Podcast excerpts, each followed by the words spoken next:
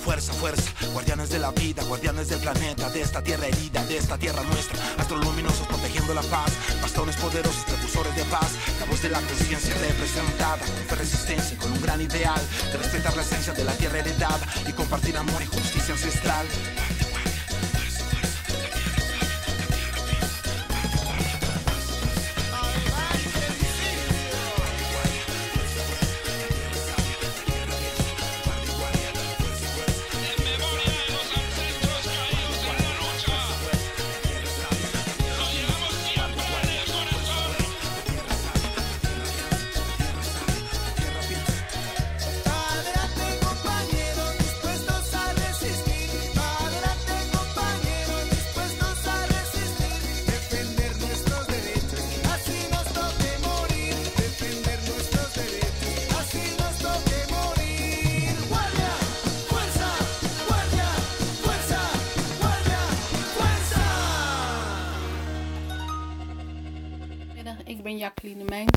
Ben geboren in Colombia, geadopteerd, opgegroeid in Nederland en woon al 42 jaar in Nederland.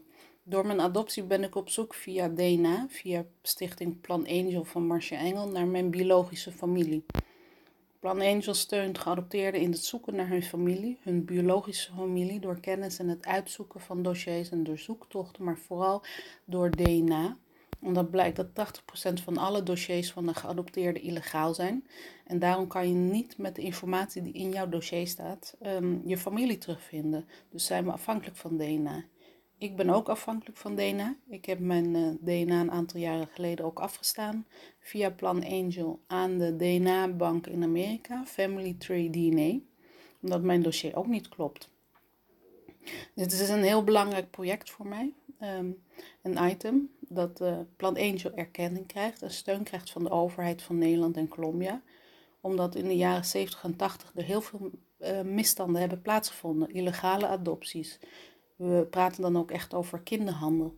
Het kind verlaat Colombia en komt Nederland binnen. Daar hebben heel veel instanties aan meegedaan, die indirect verbonden zijn met de overheid, waardoor de overheid ervan af weet. Dus de twee overheden moeten nu steunen in het herenigen en het helpen zoeken door financier, financieringen in de retour, vluchten, de logistieke kosten die Plan Angel elk jaar maakt. En alle geadopteerde, geadopteerden steunen door hun DNA-kosten en hun roetsreis te betalen. Daar strijdt Plan Angel eh, ook voor. Daar sta ik achter en ik hoop dat jullie luisteraars hierbij Plan Angel ook willen steunen door haar te volgen via de website van Plan Angel, planangel.org, via Facebook, Instagram en YouTube. Verspreid de informatie die jullie horen graag. Ehm, zorg dat iedereen ons volgt. Ehm, daar kunnen jullie ons in steunen en waar mogelijk is ook natuurlijk doneren. Eh, dat gaat via de website, dat kan ook via Facebook. De steun, de steun, de hulp en de erkenning is nodig, want we spreken hier echt over geschonden mensenrechten, kinderhandel. We hebben het recht om te weten waar we vandaan komen, om te weten wie onze biologische ouders zijn. Onze identiteit is afgenomen. En we moeten daarin gesteund worden om die terug te vinden. In mijn zoektocht zelf ben ik steeds meer geïnteresseerd, ook geraakt in mijn inheemse kant. Via de DNA eh, heb ik gezien dat ik 52% inheems ben. En door veel te netwerken op het internet sta ik in contact met vele inheemse stammen in Colombia en buiten Colombia. Dat vind ik gewoon heel interessant, heel mooi. Alleen al in Colombia telt eh 100 inheemse stammen, waarvan er zo'n 60 worden bedreigd met uitsterven. Elke dag worden de inheemend bedreigd en worden wekelijks wel ergens een sociale leider van hun vermoord. Ze worden bedreigd voor hun land, vooral voor de mijnbouw en andere aardproducten van moeder aarde die van hun worden afgenomen. Eh, terecht dat ze die niet willen afstaan. Ze hebben er vele kennis van. Natuur van al honderden jaren wonen ze er generaties lang. En het is hier en daar niet alleen erkend, ehm, het is hier en daar wel erkend door, door deskundigen, maar de overheden erkennen het niet. Ehm, terwijl zij hebben een oplossing voor, voor klimaatverandering. Hun ervaring, hun kundigheid. eh, om nog meer klimaatverandering te voorkomen en tegen te gaan op landbouwniveau. Kennis van planten, dieren, kennis van natu- natuur en behoud. De westerse wereld kent dat een aantal jaren, tientallen jaren, eh, van voorouders en van eh, boeken en geleerden. Maar de inheemen kennen het al honderden generaties. Zij zijn de kracht, de, het voorbeeld van, voor de wereld. Voor klimaatverandering steun ik dan ook alle eh, organisaties die vechten eh, voor erkenning en steun wereldwijd in het bedrijf van de inheemen en hun cultuur, hun kenniswaardigheid, vaardigheid, recht, hun land, hun taal.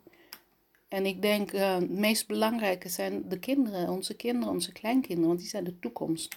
Daarom vraag ik jullie ook, of jullie eh, luisteraars, ehm, climate clips van Mirjam Marks op Instagram willen, willen volgen. Dat zijn eh, allemaal hele korte filmpjes van een paar minuutjes door kinderen wereldwijd gemaakt. Met allemaal dezelfde opdrachtjes die Mirjam Marks heeft gemaakt. Om daarin ehm, via een filmpje uit te leggen, elke kind doet dat, eh, via een filmpje uitleggen wat klimaatverandering voor een effect heeft, impact heeft, betekenis heeft voor hun in hun leefgebied. Ehm, ik denk dat als jullie dat zien, dat, dat, je, dat je heel veel bewustwording kunt creëren door dat te delen, hè, door die filmpjes op Climate Clips te steunen. Onze toekomst. Bepa- bepalend voor onze toekomst. En onze toekomst zijn we zelf, maar vooral onze kinderen en kleinkinderen. Dus laat hun aan het woord, zou ik zeggen. Hè, wie zijn de mul- multinationals, eh, de overheden, om te bepalen dat je ergens wel of niet mag wonen? Wie, eh, wie bepaalt dat? Wie zegt, wat is hun recht om tegen jou te zeggen, dat je, terwijl je daar generatielang op dat land woont, om te zeggen, ga maar weg, ga weg, ga weg, het is nu van ons. Dat kan niet. Dat is um, um, um, inhumaan. Is echt niet, niet goed. Is echt onmenselijk. En, en daarbij wonen we allemaal op dezelfde wereld, op dezelfde planeet. Ik, ik vind dat er veel meer liefde moet zijn voor elkaar, voor jezelf. En, en ehm, dat we alles moeten delen, dat de wereld niet zo materialistisch moet zijn. Ik ga ook terug naar Colombia. Ik ben bezig met een stichting op te zetten voor 100 dakloze Colombiaanse en Venezolaanse alleenstaande moeders. Colombia heeft heel veel last van Venezolaanse vluchtelingen. Die zijn allemaal op de vlucht voor de hongersnood in Venezuela. En Colombia praat over ongeveer een miljoen vluchtelingen. Maar we hebben er wel zo'n 5 à 6 miljoen, heb ik gehoord, van verschillende instanties.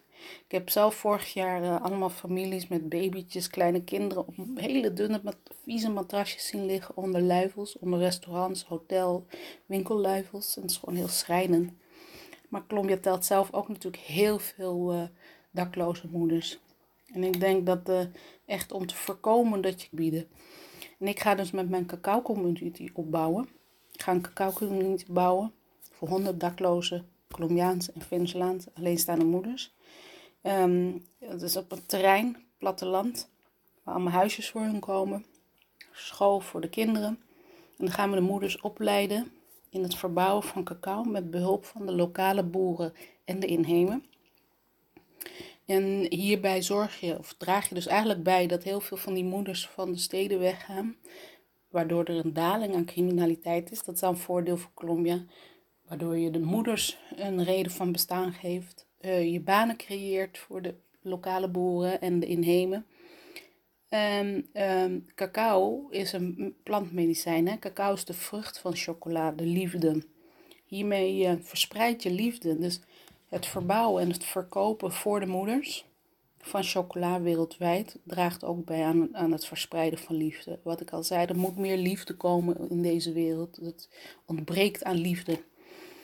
Breekt aan respect voor moeder natuur. En zo win je het terug. Daar ben ik van overtuigd. Ehm, dus ja, wat ik wil graag eh, vragen aan jullie is ehm, om eh, ook mij te volgen. Jacqueline Mijnsen op Facebook, op Instagram. Jullie mogen me ook een mail sturen, jacquelinemijnsen.hotmail.com. Jacqueline is met een Y, niet met een J. Mijns is met een lange I dubbel S. En dan eh, beantwoord ik al jullie vragen. Kunnen jullie zien binnenkort dat ik mijn website gelanceerd heb. Later in de, eh, in de nabije weken kunnen jullie zien hoe wij gaan eh, starten met het terrein zoeken en het bouwen en de samenwerkingen. En een mooie toekomst tegemoet. En kunnen jullie uiteindelijk op mijn website ook de liefde chocola kopen. Dus volg mij. En eh, vragen kunnen jullie ook stellen via deze radiozender bij Surimama. Ik wil dan ook Surimama heel erg bedanken voor de zendtijd. Ik wil Juanita heel erg bedanken voor deze zendtijd. En ik hoop eh, nog een keer in de uitzending te komen om te vertellen hoe het eenmaal gaat met de, met de cacao community. Hoe dat gaat. En eh, ja, bedankt voor jullie luisterend oor. Denk aan de liefde, verspreid de liefde. De wereld is te mooi. Help elkaar klimaatverandering. Denk aan de kinderen, onze toekomst. En heb vrede. Eh, bij deze mooie bijdrage heel erg bedankt. En wie weet tot gauw. Aho.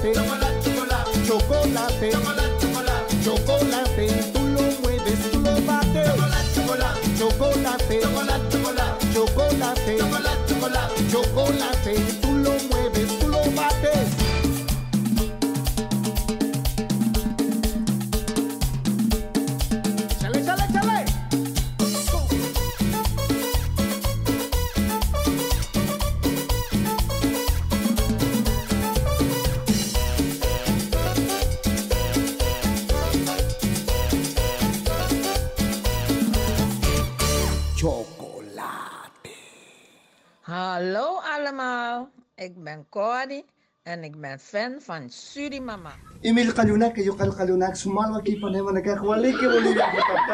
En andere woorden, goedemorgen allemaal. Welkom in het Kindermuseum. Hier binnen is een tentoonstelling over mijn land Bolivia. Weten jullie al heel veel over mijn land? Weten jullie ook dat in Bolivia de bergen hoger zijn dan de wolken? De bergen zijn zo hoog dat je wel een beetje lijkt als je ernaast staat. Zelfs een grote vrachtwagen lijkt zo klein als een lucifersdoosje. Daar waar ik geboren ben, hoog in de Andes, is het erg koud als de zon achter de bergen verdwijnt. Midden in de nacht vriest het tot ver onder nul. Onze hagelstenen zijn zo groot als knikkers. Nee, nog groter als kikkers. Onze bliksem schiet van horizon tot horizon en verlicht de hele hoofdvlakte. De donder is oorverdovend. De stilte ook. In Bolivia heeft nog niemand de zee gezien. Want ook al is Bolivia 30 keer zo groot als Nederland. Wij zijn het enigste land in Zuid-Amerika zonder zee. Maar ik wou de zee zien. Jaren later, toen ik eindelijk bij de zee kwam, zeiden de mensen Indiaan tegen mij. Hoezo?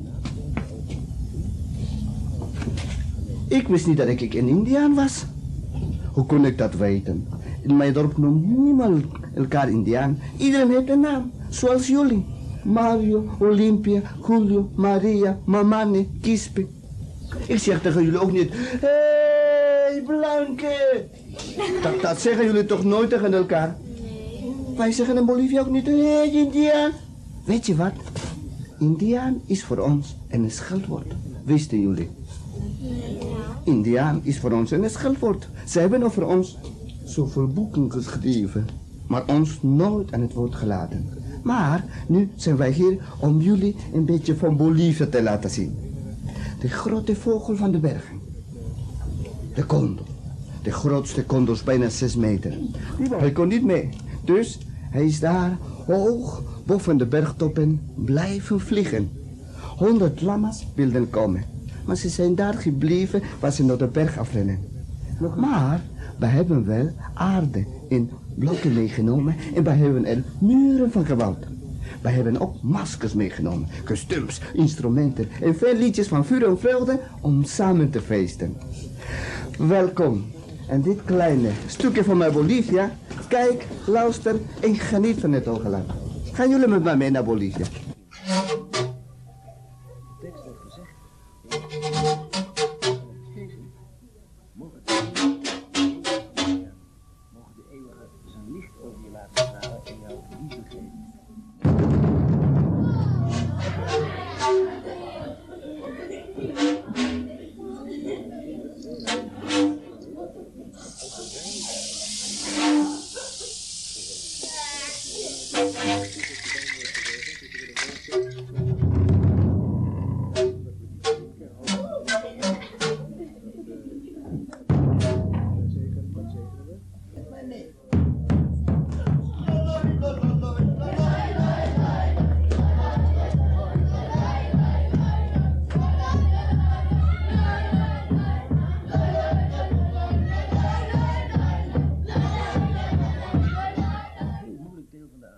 Ben de oudste berg van Bolivia.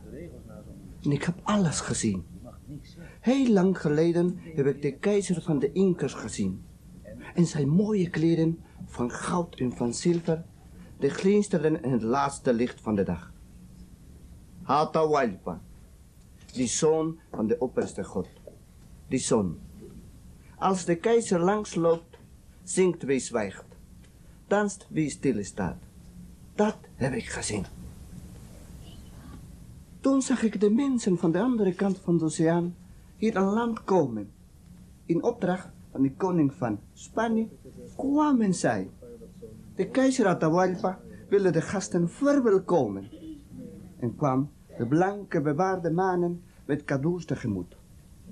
En Francisco Pizarro, de varkenshoeder, die in naam van de koningin van Spanje het Inca-rijk moest veroveren, vermoordde onze mooie Atahualpa. Toen hij dood neerviel, klonk er een donderend lawaai, dat de wereld deed beven. Vanaf die dag werd alles anders.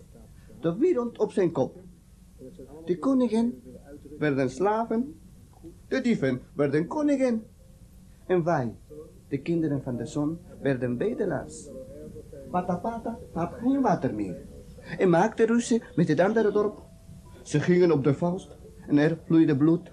Jaar na jaar na jaar na jaar knokten ze met elkaar. Moeder aarde was ongelukkig. En er schonk door Patapata een bron.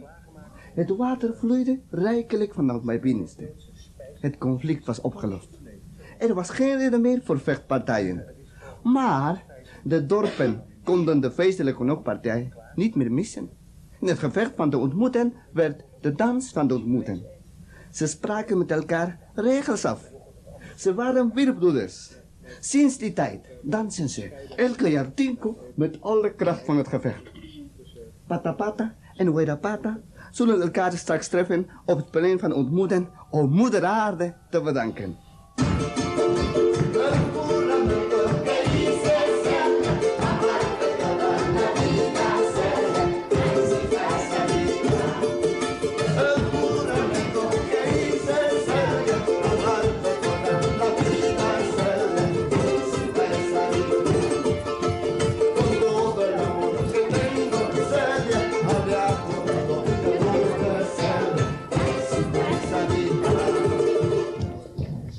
Alles komt uit moeder aarde. Ja. Kijk, Wie denk je dat moeder aarde is? Wie denken jullie? ik was Ja? Mario's moeder. Nee, Nee, moeder aarde is de, is de aarde, de, de wereldbol. Ja. We zullen samen praten. Kom aan deze kant. Maken wij een mooie kring. Allemaal handen in handen. Geef me aan. Maken wij een mooie kring. Dicht elkaar en eh, gaan we zitten. Jongens en meisjes, welkom in mijn dorp Patapata. Vandaag ik ben een van jullie vrienden. Ik heet Roberto. Vandaag ga ik vertellen over mijn land Bolivia. Mijn land is 30 keer zo groot als Nederland. Heel grote land met heel weinig mensen.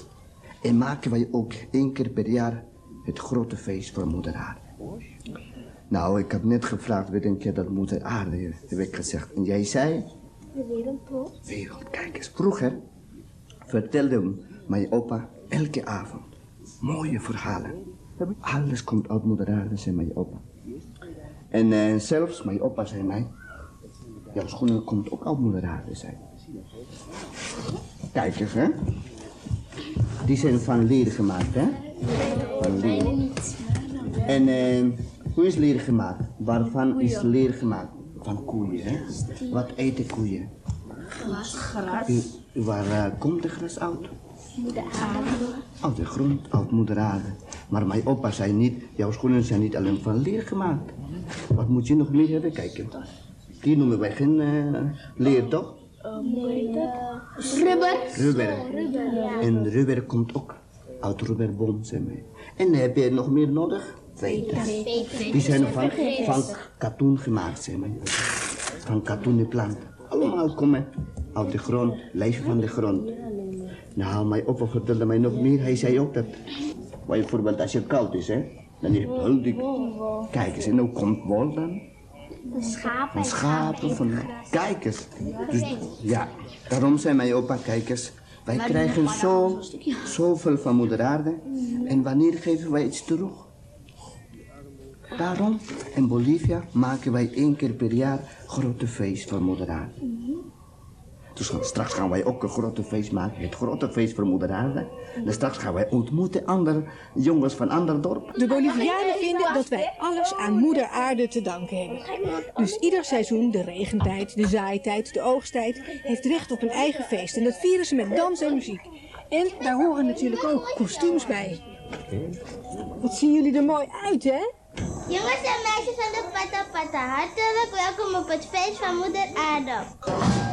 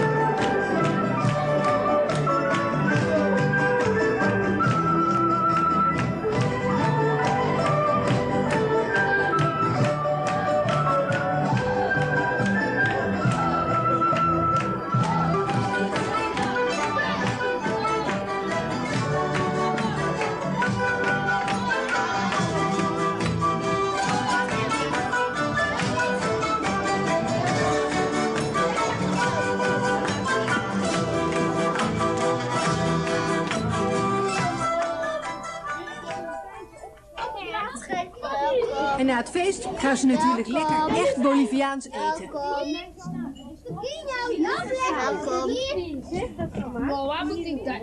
We eten vandaag, We eten vandaag chinoa met een sausje. En je mag kiezen um, een cake of een cake.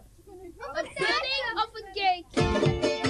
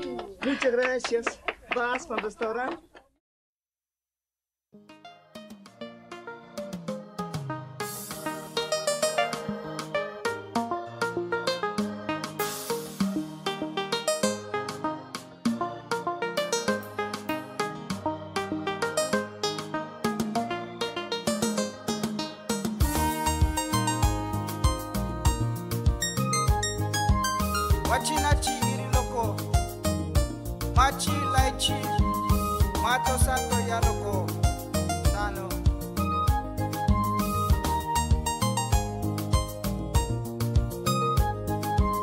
wachina ti ayamoshi ayamoshi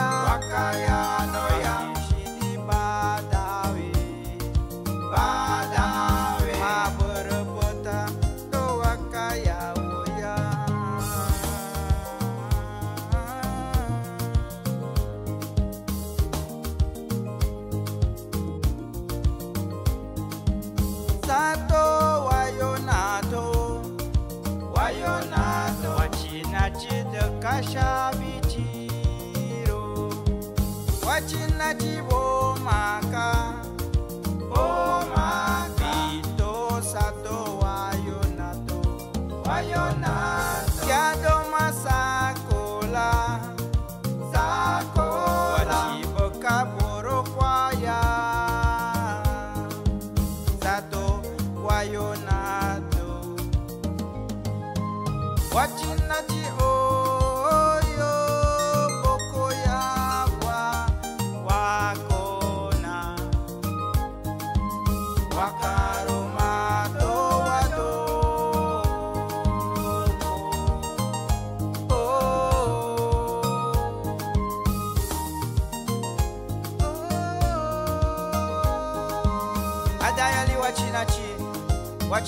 ayamshi sakwabiri tanda te tobo Ali alikantan bali tobo shikwabana loko.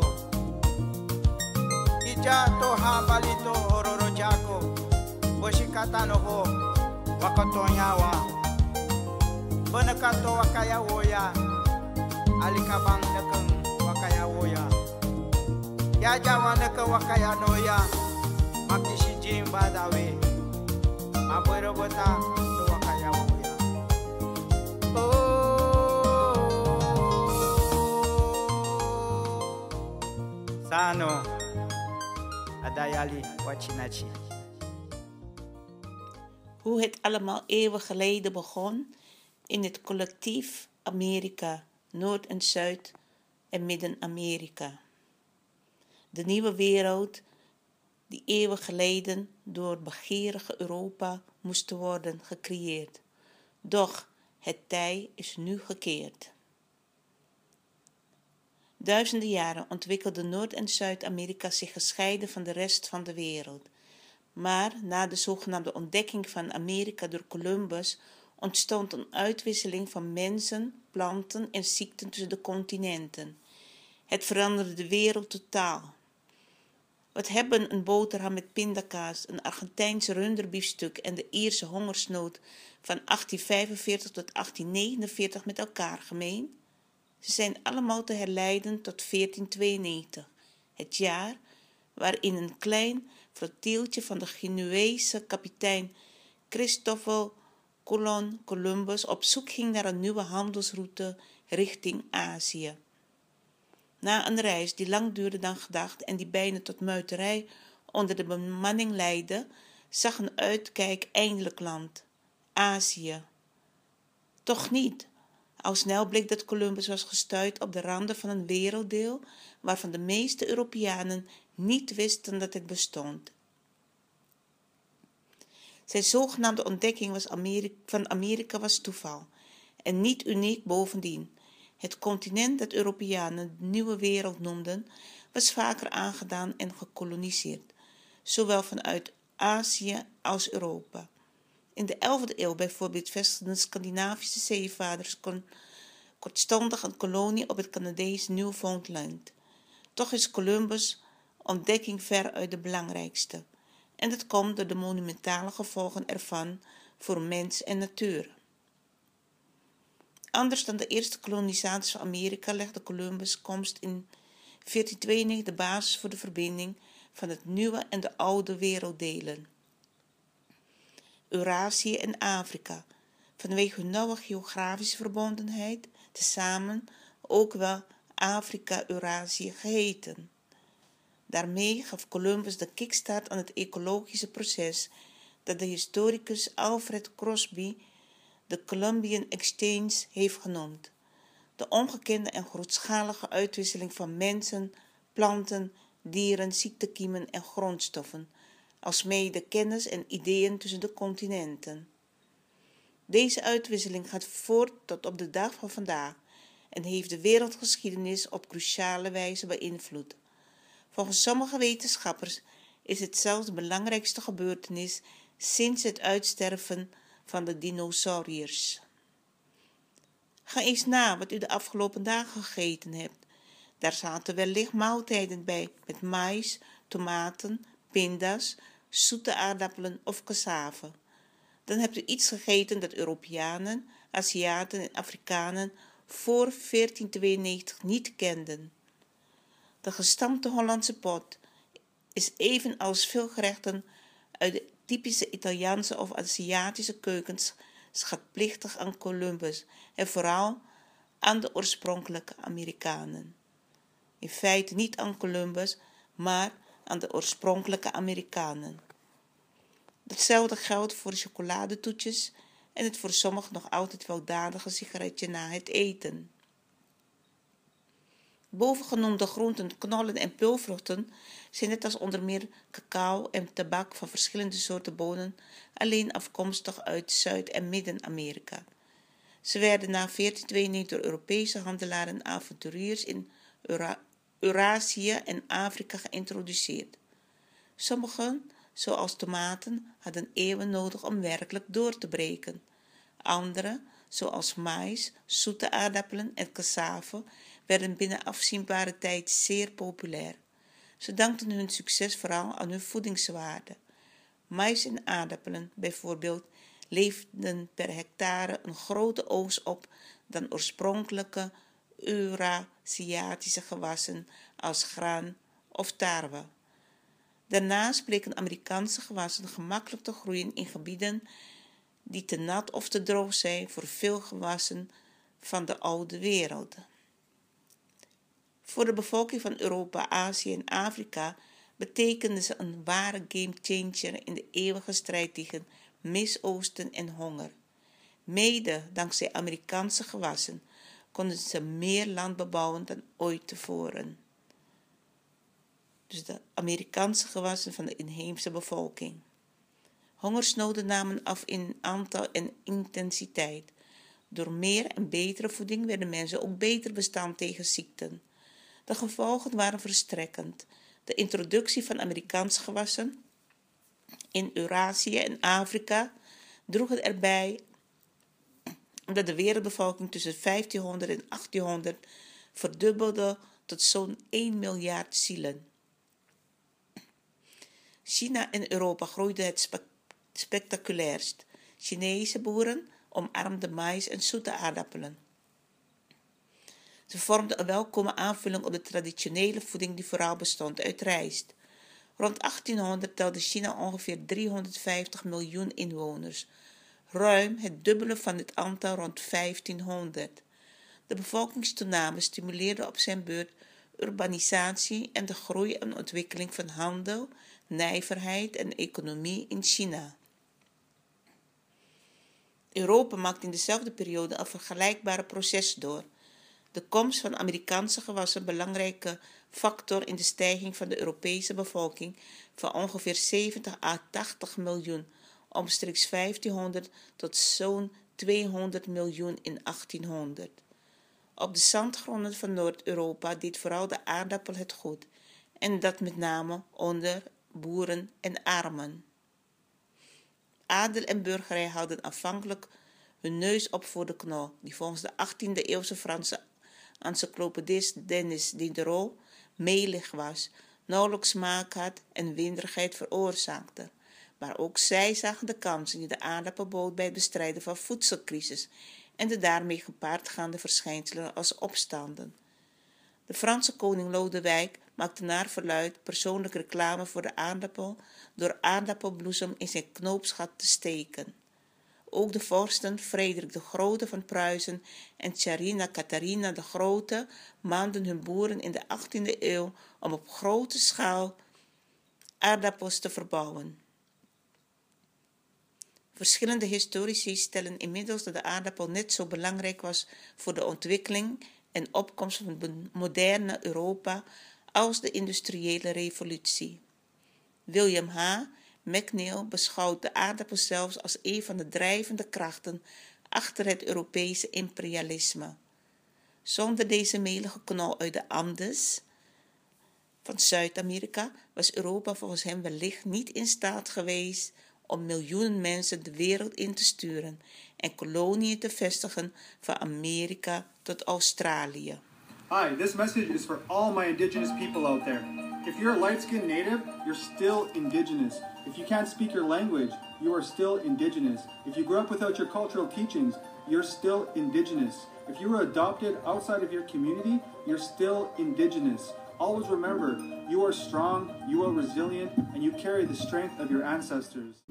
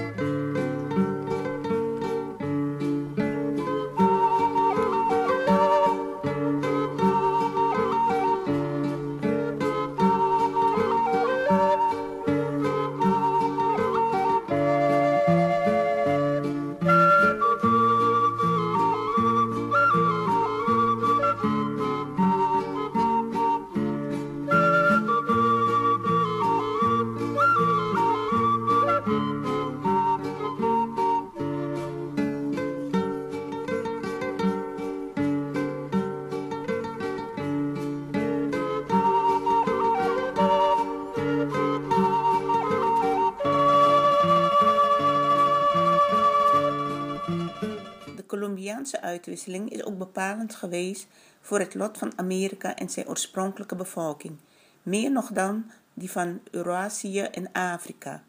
Europeanen introduceerden er gewassen als graan, tarwe, appels en sinaasappels en dieren als paarden, varkens, koeien, ezels, konijnen, kippen en schapen.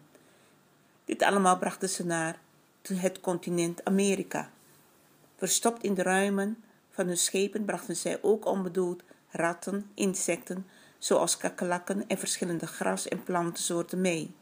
In veel regio's zouden deze exoten Amerikaanse planten, gewassen en dieren verdringen. Maar niets had zo'n impact op de geschiedenis van het westelijk halfrond als de verschillende ziektekiemen die de eerste Europese avonturiers overdroegen op de oorspronkelijke Amerikanen. Deze inheemsen hadden geen verweer tegen virussen als influenza, pokken, hepatitis, malaria en mazelen en de bacteriën die tuberculose, tyfus, cholera en difterie veroorzaakten. Niemand weet precies hoeveel mensen er voor 1492 in Amerika leefden. Schattingen lopen uit van 30 tot 100 miljoen. Mogelijk is zo'n 90% van hen uiteindelijk bezweken aan Afro-Eurasiatische ziekten. De massale sterfte was een cruciale factor in de snelle ondergang van complexe beschavingen als het Inca-rijk in de Andes en dat van de Mexica in Midden-Amerika. Ook in Noord-Amerika verdwenen hele samenlevingen. Net als in Zuid- en Midden-Amerika woonden veel mensen hier in steden en conglomeraties van dorpen. Daardoor konden besmettelijke ziekten zich snel verspreiden. Velen stierven zonder dat ze ooit met een Europeaan in aanraking waren gekomen. Op hun beurt hebben maar weinig Europeanen het oorspronkelijk leven in Noord-Amerika te zien gekregen. Het zorgde ervoor dat er gemakkelijke mythes konden ontstaan. Een van de redenen waarom veel mensen ook nu nog denken dat deze regio vooral bevolkt werd door nomadische jagers-verzamelaars, is dat de meeste inheemsen die er een andere manier van leven op nahielden, in elk tempo door Afro-Eurasiatische ziekten waren uitgeroeid. 90% van de inheemse Amerikanen sterft aan nieuwe ziekten. De enorme sterfte onder de oorspronkelijke Amerikaanse bevolking gaf Europeanen de gelegenheid om Amerika te koloniseren en grote delen ervan ecologisch en cultureel om te vormen tot een nieuwe Europa. Dus heel Amerika moest omgevormd worden tot een nieuw Europa. Toch is hun numerieke dominantie in het werelddeel een betrekkelijk recent verschijnsel. Massamigratie uit Europa kwam pas in de tweede helft van de 19e eeuw op gang. Tot omstreeks 1850 hadden delen van Amerika meer weg van een nieuw Afrika. Dus door de Afrikaanse slaven die daar naartoe waren gebracht, uh, ja, heeft dat uh, in feite de gezinnen die er ontstaan is. Hierdoor leek Amerika meer weg te hebben van een nieuwe Afrika. Dus eigenlijk woonden heel veel Afrikanen. Dat kwam door de grote aantallen Afrikanen die de Europeanen in de eeuwen daarvoor als slaven hadden gebracht. Dus net als wat ik al zei. Afrikaanse arbeid werd de onmisbare schakel in de lucratieve driehoekhandel die de Spanjaarden, Britten, Fransen, Portugezen en Nederlanders in de loop van de 15e eeuw en 16e eeuw tussen Europa, Afrika en Amerika opzetten. Verschillende gebieden in de Cariben en het Amerikaanse vasteland bleken zeer geschikt voor de verbouw van arbeidsintensieve cash crops uit Afrika, Eurasië, zoals suiker, oorspronkelijk afkomstig uit Nieuw-Guinea, en koffie uit Afrika. Deze genotsmiddelen brachten samen met onder andere cashcrops als tabak uit Amerika en katoen afkomstig uit Amerika, Midden-Oosten en Azië heel veel geld op in Europa. Afrikanen konden belangrijk worden in dit nieuwe intercontinentale handelssysteem omdat zij onder meer beter bestand waren tegen malaria en gele koorts. Twee virussen die eveneens afkomstig zijn uit Afrika, Eurasië en die floreren in dezelfde vochtige en warme omgeving waarin suiker, koffie, katoen en tabak verbouwd werden. Aanvankelijk werden ze vaak naast tot slaafgemaakte inheemsen en Europese contractarbeiders op de plantage. Maar terwijl de inheemse Europeanen bij bosjes aan de tropische virussen bezweken, konden de anderen doorzwoegen. Tussen 1500 en 1850 verscheepten Europeanen naar schatting zo'n 12 miljoen slaven vanuit vooral West- en Centraal-Afrika naar Amerika. Dus goed om te weten dat Afrikanen uit Amerika afkomstig zijn, vooral uit West- en Centraal-Afrika. Dat Afrika deze enorme menselijke aderlating heeft kunnen opbrengen, is wellicht te danken geweest aan de introductie van Amerikaanse gewassen als mais en cassave. Dus dat de Afrikanen daar echt ook hebben kunnen overleven, heeft te maken aan de twee gewassen mais en cassave. Beter en gevarieerder voedsel droeg er waarschijnlijk toe bij dat het bevolkingsaantal in deze regio's niet instortte en dat Afrika aan de voortdurende vraag naar arbeid vanuit Amerika kon blijven voldoen. Dus vanuit Afrika werd er gehandeld met slaven voor Amerika. De uitwisseling valt uit in het voordeel van de Europeanen. Wie de Colombiaanse uitwisseling in termen van winst en verlies analyseert, ziet dat deze in de eerste vijf eeuwen buitenproportioneel in het voordeel van de Europeanen is uitgevallen. Amerika leefde hun nog een onverwachte bonus op. Ze ontdekten al snel dat er op het continent grote hoeveelheden edelmetaal te vinden was. Dat was precies wat ze nodig hadden. Denk even terug aan de terrorist Columbus en zijn ongeduldige bemanning. Zij waren eigenlijk op weg naar Azië. Dat was in de 15e eeuw economisch de meest competitieve regio ter wereld. Chinees porselein, zijde en papier waren net als specerijen uit India en uit Indonesië, archipel, zeer gewilde luxe producten. Maar op hun beurt hadden Europese handelaren Azië weinig te bieden. Hun exportproducten, zoals textielgeweven van wol, waren meestal van inferieure kwaliteit. Aziatische handelaren waren eigenlijk alleen geïnteresseerd in het zilver dat ze meebrachten. Dat was ook in Azië een belangrijk betaalmiddel. In Europa werd zilver gedolven, maar het waren de immense Zuid-Amerikaanse voorraden die de Europeanen en vooral de Spanjaarden de mogelijkheid gaven om zich in te kopen in de uitgebreide en lucratieve Aziatische handelsnetwerken. Dus de middelen, de producten uit Zuid- en Noord-Amerika uh, waren in feite uh, de producten die de Europeanen gebruikten in de ruilhandel met de Aziaten.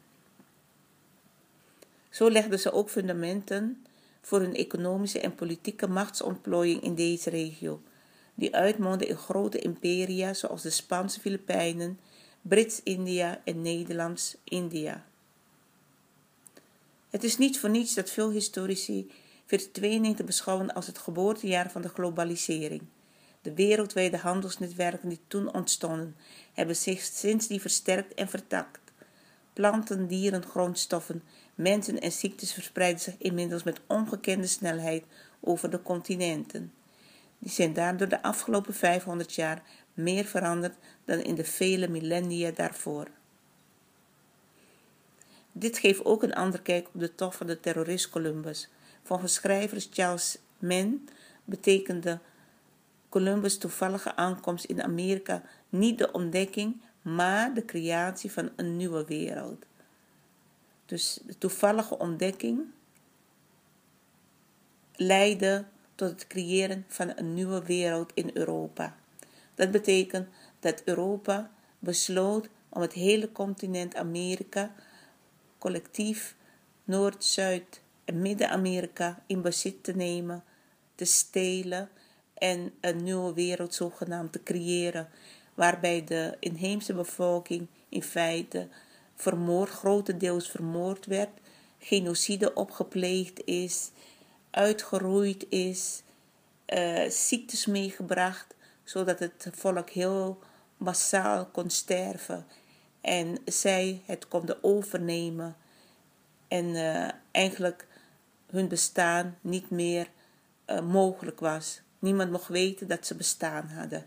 En zo gingen ze dan met de slaven uit Afrika een nieuwe wereld in Amerika, in Noord, Zuid, Midden-Amerika, maar niet te vergeten ook in Canada uh, opstarten. En vandaar dat Amerika eigenlijk niet bestaat uit, hoe noem je dat, uh, Amerikanen, maar het zijn gewoon Europeanen die de macht hebben overgenomen in Amerika en ook in Zuid-Amerika. Maar in Zuid-Amerika is het zo dat nazaten van diverse bevolkingsgroepen die daar naartoe gebracht zijn, nu ook de macht in handen hebben in diverse Zuid-Amerikaanse landen. Bij Radio Surimama praten we niet meer over Latijns-Amerika, want Latijns-Amerika is ook bedacht. Dat is gelinkt aan Italië, aan Rome. En uh, ja, vanuit uh, Latijnse woorden is ook een deel van Zuid-Amerika opgebouwd, of laat me het zo zeggen, vanuit het Latijnse. En uh, vandaar dat men het gaan, gaan noemen is de, het katholieke geloof heeft daar heel veel macht gekregen of zelf genomen. En vandaar de driekwart van de Zuid-Amerikanen ook nog steeds, nou, misschien dat het nu minder is, maar het katholiek geloof beleidt. Maar Latijns is gelinkt aan Rome, aan het Vaticaan, aan het Rooms-Katholiek geloof. Dus vandaar dat wij zeggen dekolonisatie. Wij praten niet meer over Latijns-Amerika, maar gewoon weer over Zuid-Amerika.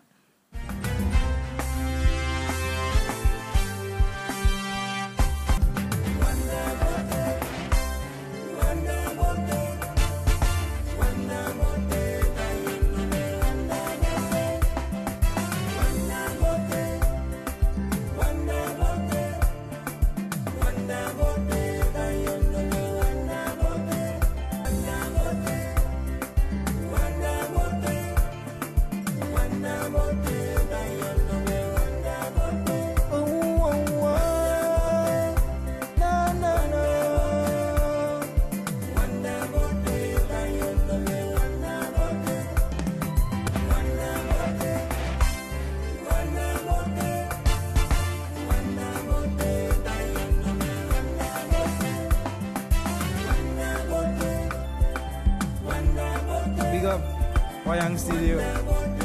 Mamboy. Segi en Fres. Big up je ook toe. Wat kan dat